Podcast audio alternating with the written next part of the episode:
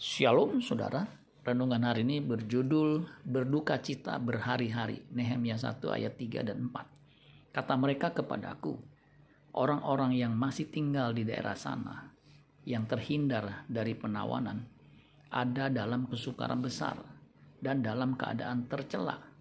Tembok Yerusalem telah terbongkar dan pintu-pintu gerbangnya telah terbakar Ketika aku dengar berita ini, duduklah aku menangis dan berkabung selama beberapa hari. Aku berpuasa dan berdoa ke hadirat Allah semesta langit. Nehemia yang pada waktu itu ada di Puri Susan mendengar kabar tentang Yerusalem yang temboknya menjadi reruntuhan. Ia menjadi sangat sedih dan berduka cita. Nehemia 1 ayat 4 terjemahan Alkitab yang terbuka mengatakan begini. Ketika aku mendengar perkataan ini, aku duduk dan menangis dan berkabung selama berhari-hari. Aku berpuasa dan berdoa di hadapan Allah semesta langit. Nehemia itu juru minuman raja Arta Sasta. Kesedihan Nehemia tidak bisa ia sembunyikan. Padahal itu belum pernah terjadi dan resikonya ia bisa dihukum mati. Tentunya ini bukan saja membahayakan karirnya, tetapi juga nyawanya. Nehemia 2 ayat 1 dan 2. Pada bulan Nisan tahun ke-20 pemerintahan Raja Artasasta, ketika menjadi tugasku untuk menyediakan anggur, aku mengangkat anggur dan menyampaikannya kepada raja. Karena aku kelihatan sedih yang memang belum pernah terjadi di hadapan raja. Bertanyalah ia kepadaku, mengapa mukamu muram walaupun engkau tidak sakit? Engkau tentu sedih sedih hati. Lalu aku menjadi sangat takut. Tuhan menolong Nehemia untuk mewujudkan kerinduannya membangun tembok Yerusalem yang sudah runtuh itu melalui Raja Artasasta. Nehemia 2 ayat 3 sampai 9. Jawabku kepada raja, hiduplah raja untuk selamanya. Bagaimana muka aku tidak akan muram kalau kota tempat perkuburan nenek moyangku telah menjadi reruntuhan dan pintu-pintu gerbangnya habis dimakan api. Lalu kata raja kepadaku, "Jadi apa yang kau inginkan?"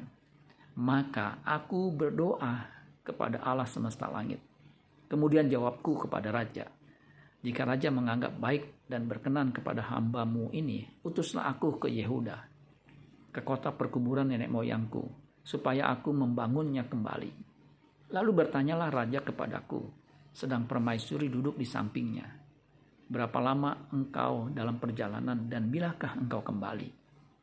Dan raja berkenan mengutus aku sesudah aku menyebut suatu jangka waktu kepadanya. Berkatalah aku kepada raja, jika raja menganggap baik, berikanlah aku surat-surat bagi bupati-bupati di daerah seberang sungai Efrat, supaya mereka memperbolehkan aku lalu sampai aku tiba di Yehuda pula sepucuk surat bagi Asaf, pengawas taman raja, supaya dia memberikan aku kayu untuk memasang balok-balok pada pintu-pintu gerbang di benteng bait suci, untuk tembok kota, dan untuk rumah yang akan kudiami. Dan raja mengabulkan permintaanku itu, karena tangan Allahku yang murah melindungi aku. Maka datanglah aku kepada bupati-bupati di daerah seberang sungai Efrat dan menyerahkan kepada mereka surat-surat raja. Dan raja menyuruh panglima-panglima perang dan orang-orang berkuda menyertai aku. Apakah kita punya hati seperti Nehemia ketika mendengar tembok Yerusalem yang runtuh hatinya berduka cita? Apakah kita terbeban dengan jiwa-jiwa yang terhilang? Kita harus punya hati misi seperti Yesus. Lukas 19 ayat 10. Sebab anak manusia datang untuk mencari dan menyelamatkan yang hilang. Apakah kita seperti anak sulung yang justru marah karena adiknya yang terhilang ditemukan? Lukas 15 ayat 28. Maka marahlah anak sulung itu dan ia tidak mau masuk. Lalu ayahnya keluar dan berbicara dengan dia. Si sulung punya hati ragi farisi. Lukas 15 ayat 1 dan 2. Para pemungut cukai dan orang-orang berdosa biasanya datang kepada Yesus untuk mendengarkan dia maka bersungut-sungutlah orang-orang Farisi dan ahli-ahli Taurat katanya. Ia menerima orang-orang berdosa dan makan bersama-sama dengan mereka. Matius 5 ayat 4. Berbahagialah orang yang berduka cita karena mereka akan dihiburkan. Biar kita memiliki rasa duka cita seperti Nehemia dan Paulus, yaitu duka cita yang dikehendaki Allah. 2 Korintus 7 ayat 10. Sebab duka cita menurut kehendak Allah menghasilkan pertobatan yang membawa keselamatan dan yang tidak akan disesalkan.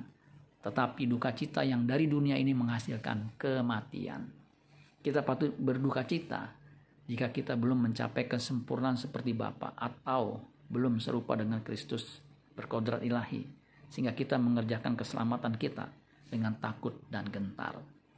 Amin buat firman Tuhan. Tuhan Yesus memberkati. Sola Gracia.